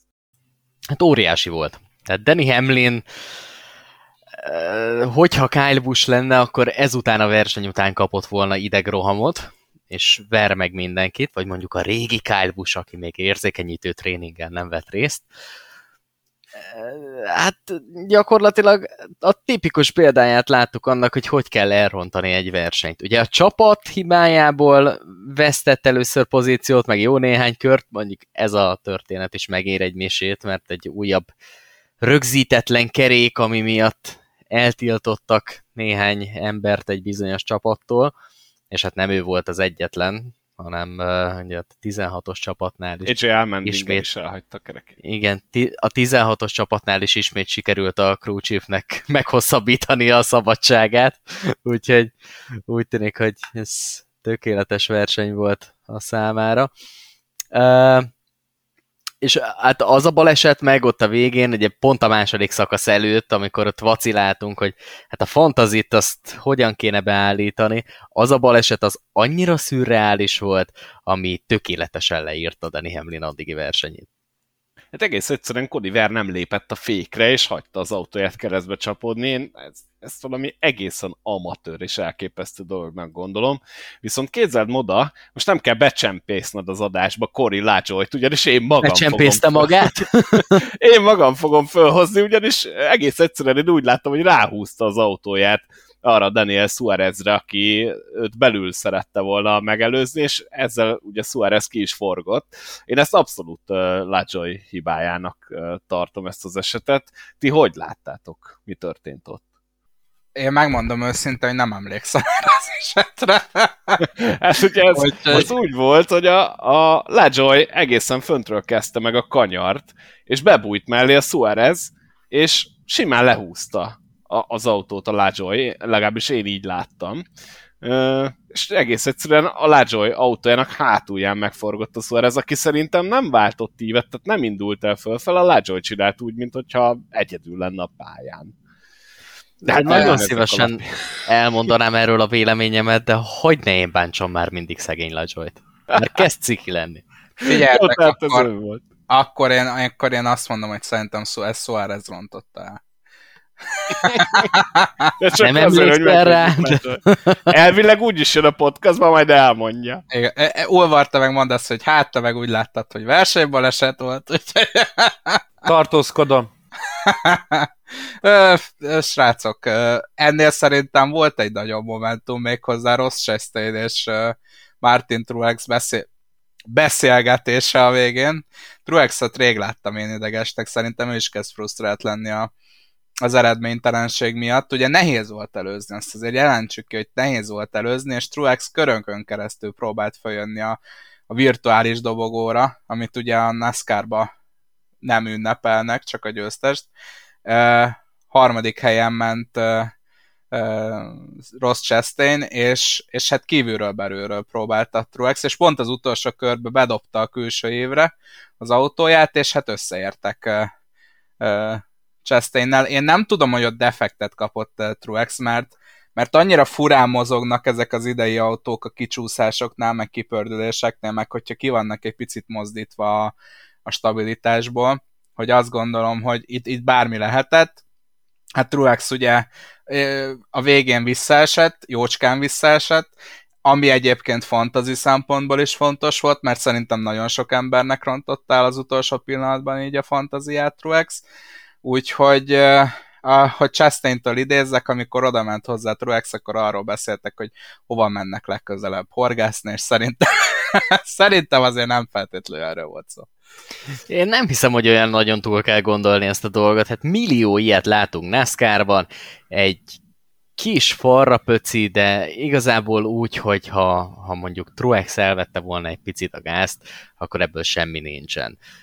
Nyilván nehéz előzni a pályán, hát persze, valahogy meg kell próbálni, meg főleg, hogyha az utolsó körben tartunk, de ez nem csak, hogy a NASCAR-ban, de még az európai autóverseny sorozatokban is erre azt mondanánk, hogy hát tessék elvenni a gázt, és akkor nem értek össze, mert pozícióban volt a Chastain. Tehát ezt én egy ilyen szakákban, egy ilyen kiélezett szituációban nem igazán tartom problémának, főleg úgy, hogy még emellett azért úgy hozzá kell tenni, hogy én amúgy Martin Truex Juniornak szurkolok, tehát nem, nem igazán gondolnám, hogy ez olyan nagyon nagy probléma lett volna, vagy kirívó szabálytalanság, vagy, vagy sportszerűtlenség lett volna.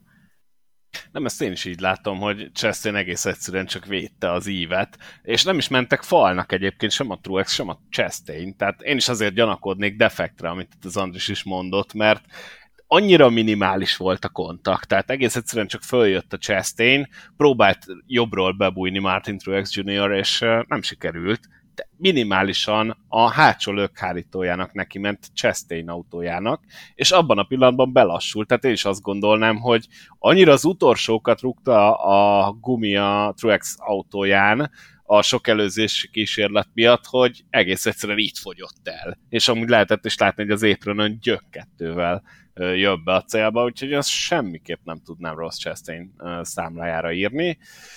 Viszont a Hendrik Motorsport meg újabb győzelmet húzott be Doverben. Nem tudom, hogy gondoltátok volna, hogy Hendrikes nyeri ezt a Doveri futamot. Ugye nem nagyon, nem nagyon szokták a Hendrikék ezt behúzni. Nem, nem, igen. Tehát ú, most, most elő kéne keresnem azt a statisztikát, hogy azt hiszem a legutóbbi 20 versenyből talán 13-at nyert a Hendrik. Nagyon kevés. De, hát, ugye de igen, tavaly az a négyes győzelem, hát az hosszú és, rögös, ilyen. hosszú és rögös volt az út a legutóbbi Hendrik győzelem óta. Ugye Martinsville-be William Byron, azt hiszem most már eltelt, hogy három verseny. Úgyhogy Úgyhogy a Hendrik szurkolók igazán ki lettek éheztetve itt ezen a, itt ezen a nagy nyeretlenségi sorozaton. Egyébként most, hogy Chase ott nyert, találjátok ki, hogy ki a legrosszabb formában lévő Hendrikes versenyző. Kyle Larson? Kyle Larson, tehát hova jutott a világ? Tehát azért ezt így fura, fura kimondani.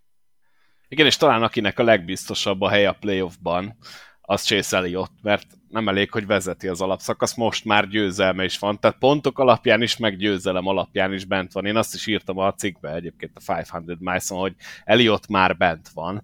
Ugye említette Zoli múltkor, hogy ő nem szereti ezt így kijelenteni egy győzelemnél, mert hogyha van 16-nál több győztes, akkor ugye nem csak azt számít, hogy nyertél már futamot, de kijelenthetjük, hogy pont Eliott az, aki, aki már biztosan bent van.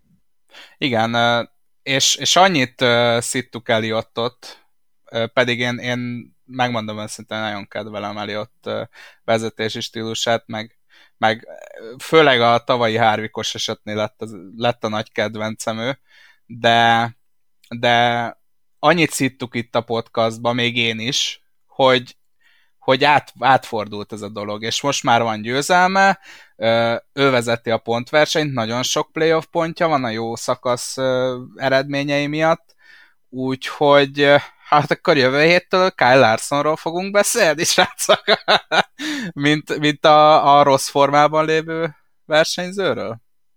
Hát mellé lőttünk egy kicsit a Liottnál, bár nem érzem azt, tehát, hogy az éven eddig tényleg csak csorgott a pályán, és a, a mezőny legjobb autójával hozta a biztos helyezéseket, de semmi villanás.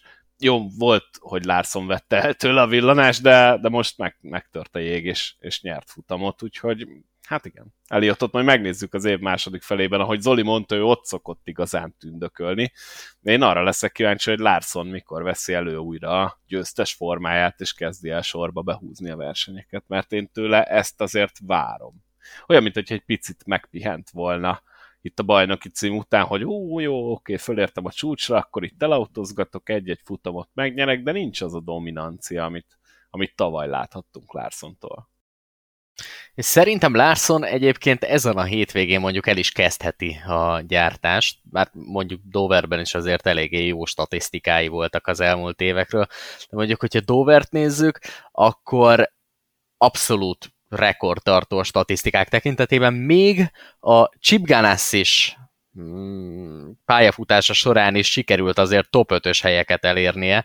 Ugye ő a legutóbbi négy versenyéből mind a négyet top 5-ben fejezte be Darlingtonban, úgyhogy megint egy olyan pálya lehet, ahol Kyle Larson elkezdheti a felzárkózást, aztán őt igazából a hátralévő pályákon, ami így az alapszakaszból hátra van, ott sem nagyon kell félteni, sőt, hát mondjuk, hogyha a tavalyi szezonjára visszagondolunk, akkor pont ugye Darlingtonban kezdődött az az óriási sorozat, és ért véget azt hiszem, hogy Pokonóban, ami abból állt, hogy vagy első, vagy második, és ugye Zsinorban három elsőséget is szerzett, úgyhogy Kyle Larson szerintem az elkövetkezendő hetekben mondjuk úgy idézőjelben föltámadhat, vagy föl fog támadni, inkább így mondom.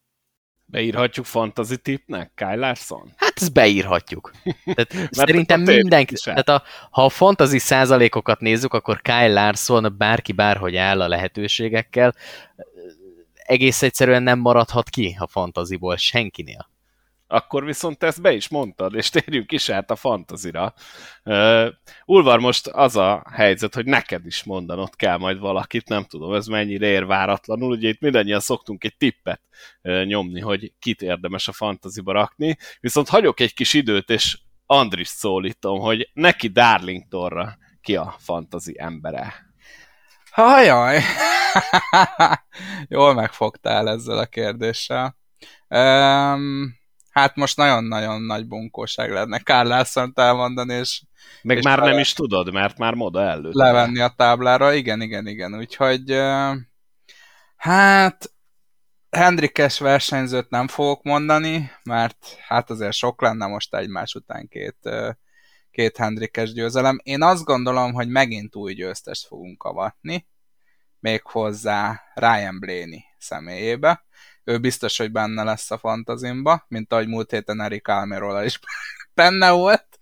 Úgyhogy, úgyhogy én nem mondó vagyok, hogy itt, itt most jól fog teljesíteni megint Beléni, mert egyébként megint tempóban nem volt rossz Doverben sem, de azt gondolom, hogy itt ezt a throwback versenyt, amiről majd egyébként az 500miles.hu oldalon olvashattok egy kis cikket, hogy, hogy miért is ez a throwback verseny, meg mi, mi, mi Darlingtonnak gyakorlatilag a lényege. Azt gondolom, hogy most Ryan Blaney meg fogja szerezni idei első győzelmét. Egyébként még nem fordult elő a történelemben, hogy a Hendrikesek egymás után két vagy akár három-négy versenyt is nyerjenek, tehát szerintem is abszolút kizárt, hogy itt Hendrik győzelem lesz. Én viszont szintén egy olyan embert mondanék, aki idén már nem nyert, vagy még nem nyert futamot, sőt, a Cup Series pályafutása során egyáltalán nem nyert futamot, bár egyszer nagyon közel volt hozzá, és Chase Briscoe fosztotta meg gyakorlatilag tőle, méghozzá Bristoli Dirt versenyen. Én azt gondolom, hogy Tyler Reddick és az ő gumispórolási zsenialitása, az kijöhet itt Darlingtonban, úgyhogy én Reddicket várnám egy, egy nagyon jó helyre, vagy akár a, a győzelem közelébe is, és akkor hát ennyi időd volt, Dávid, most már valakit mondanod kell. Hmm.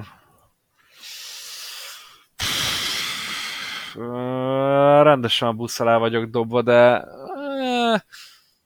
szerintem én maradok egy Martin Truex Jr.-nál ebbe a kérdéskörbe. Ahogy így elnézem az, az elmúlt időszakot, bár mondjuk nem gondoltam volna, hogy ki fogom mondani azt, hogy Truex lesz majd az esélyes várpa az előző hétvége előtti versenyeket, meg ahogy szerepeltek de most mégis azt kell mondjam, hogy Truex kezeiben meg lábaiban benne van szerintem most a győzelem, úgyhogy én maradok ennél a tippemnél, de á, én nagyon rosszul szoktam általában tippelni, de, de mégis ezt érzem most. Szerintem amúgy ez egy tök jó tipp lehet. Lehet, hogy az én emlékezetem csal, de mint hogyha valamelyik évben eléggé domináns teljesítmény nyújtott volna itt Darlingtonba Martin Truex Jr. Aztán mindjárt utána nézek ennek. Ö, igen, 2016-ban nyerte meg a Darlingtoni versenyt, úgyhogy, úgyhogy szerintem ez egy jó tipp lehet. Meg hát tavaly pont ezt a versenyt Martin Truex Jr. nyerte, tehát ő a címvédője ennek a futamnak, sőt, a legtöbb kört a mezőnyből, a jelenleg aktív versenyzők közül ő töltötte az élen pályafutása során Darlingtonban. Úgyhogy mindenképpen egy nagyon jó tipp, Pulvar itt belenyúltál a jóba, és eh, hát valóban, hogyha mondjuk megnézzük az előző versenyeit, akkor ez a tavalyi győzelem, valamint a 2020-as szintén eléggé domináns teljesítmény, eh, miután mind a két szakaszt megnyerte, végül aztán az utolsó szakasz az nem igazán jött össze számára, eh, de mindenképpen egy, egy nagyon jó pik, és egy kérdés lehet számomra csak Martin Truex Jr. kapcsolatban, hogy mennyire lesz jó a Toyota. Na pont ezt akartam mondani, tehát, hogy nekem ezért volt kettős érzetem a e-tippel kapcsolatban, mert mint az előző hétvégén nagyon jól muzsikált, érdekes módon a Toyota, viszont az előtti olyan pályákon, ahol vártunk volna Truex-től egy győzelmet amúgy, nem most az, hogy jó teljesítményt, hanem győzelmet, azt nem láttuk tőle. Tehát euh, én ezért gondolnám azt, hogy most talán ebből lehet építkezni, hogy lehet egyáltalán építkezni az előző hétvégéből, már pedig euh, mondjuk azért igen, az elég nagy butaság lenne, hogyha nagyon közel állítanám Dovert és, és Darlington, de azért nagyjából hasonlít a két pályának a karakterisztikája, szóval ja, az elmúlt eredményei, vagy tehát a tavalyi eredmény, vagy az előző évek eredményei alapján is lehetne, ez egy jó tipp, csak mondom, ebben a szezonban a Toyota teljesítménye miatt mondom, kicsit, kicsit kérdőjeles ez a pick, de én maradok ennél. Hát vasárnap este fél tízkor az Arena 4-en és az Arena 4 pluszon megnézhetitek, hogy bejöttek ezek a tippek. Ugye azt érdemes még tudni Darlingtonról, hogy kétszer van itt az éven NASCAR futam, egyszer egy 400-at tartanak, az a throwback, és van ősszel egy 500-as futam, ez a 400-as, ugye nem tévedek? Tehát az a 400-as és a szeptember talán 22-én lesz idén, most fejből mondom, az az 500-as, úgyhogy így uh, tudjátok nézni a futamokat. Viszont volt itt nekünk egy imszánk is, amit nem szeretnénk kihagyni, és át is adnám a szót Rós Andrásnak, aki megírta a cikket a 500miles.hu-ra az összefoglalót, láthatjátok, és ezáltal ugye minden percét követte a versenynek. A Wayne Taylor Racing diadalmaskodott itt az Akura belháborúban, illetve az a már több cikkben is említett FAF Motorsports a Porsche-kkal nagyon jól szerepelt. Mit láthattunk Andris Imszában? Uh, ez, ez nagyon, nagyon akkura pálya volt, hogyha a DPI kategóriát nézzük.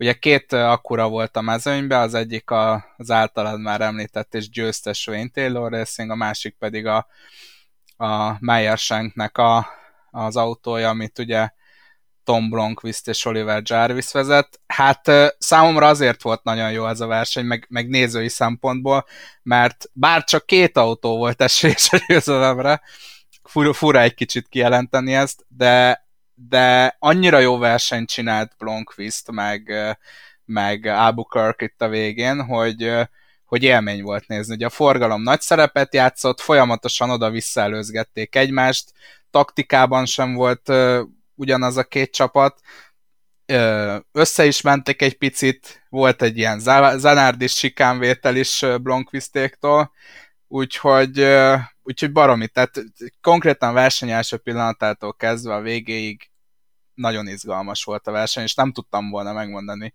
hogy, hogy ki nyeri meg a versenyt, de, de hát ugye végül Taylor és Philip Albuquerque nyerte ezt a ezt a Laguna Sekai versenyt. Tehát ugye a GTD Pro kategóriában ott, ott a Porsche az nagyon domináns teljesítmény nyújtott, a FAF, a FAF Motorsport, úgyhogy arról igazából sokat nem is érdemes beszélni, mert inkább mögöttük volt, volt csatározás. Aztán ugye az LMP2-ben számomra azért, azért volt vicces, mert sorozatban hullottak ki az éllovasok. Tehát ugye a 11-es autó is eldobta, utána pár körrel a következő éllovas is eldobta, úgyhogy ott, ott egy picit, mint hogyha adták volna át a stafétát, hogy srácok, én nem akarok nyerni, jöjjön a következő, de hát mi se akarunk nyerni.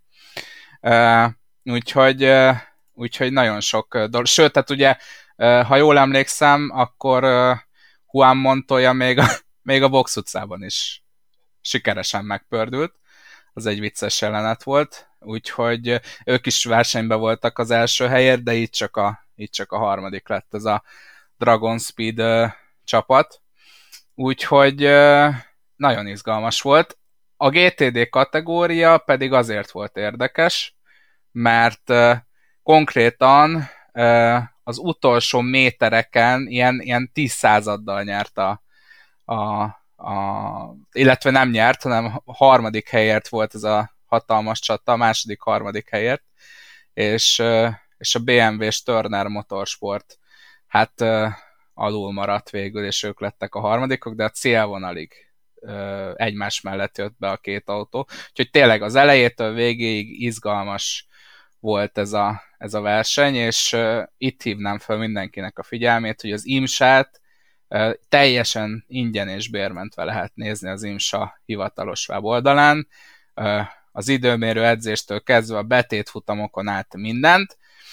A, a kommentálás az, szerintem ebben majd Molnár Dávid kollégám meg tud ebbe erősíteni, hogy az angol kommentár nem feltétlenül kiemelkedő, mert egy picit már kezd kiöregedni az a, az a Radio Lomanos csapat, de ettől függetlenül mindenki tudja követni az eseményeket ingyen és bérventve az IMSA oldalán.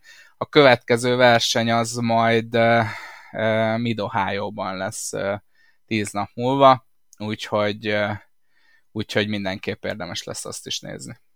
Tehát az nem ezen a hétvégén, hanem a következő, következő. hétvégén. Igen. Egyébként az Indikárnak is szoros lesz ez a május, ugyanis az Indi Road és az Indi 500-as futamot is májusban rendezik, úgyhogy be is vették a, a pályát a, a Road to Indy és egyéb szériákkal együtt a komplett indikár gyakorlatilag május 10-től, és a teljes menetrendet megtaláljátok és elolvashatjátok a 500miles.hu-n.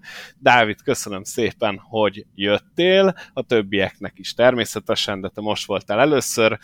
Tehát vasárnap 21.30 az Arena 4 és az Arena 4 Plus műsorán NASCAR következik Darlingtonból. Nézzétek, olvassatok a 500miles.hu-t, és találkozunk a jövő héten. Köszönjük, itt voltatok, szevasztok, sziasztok! Sziasztok!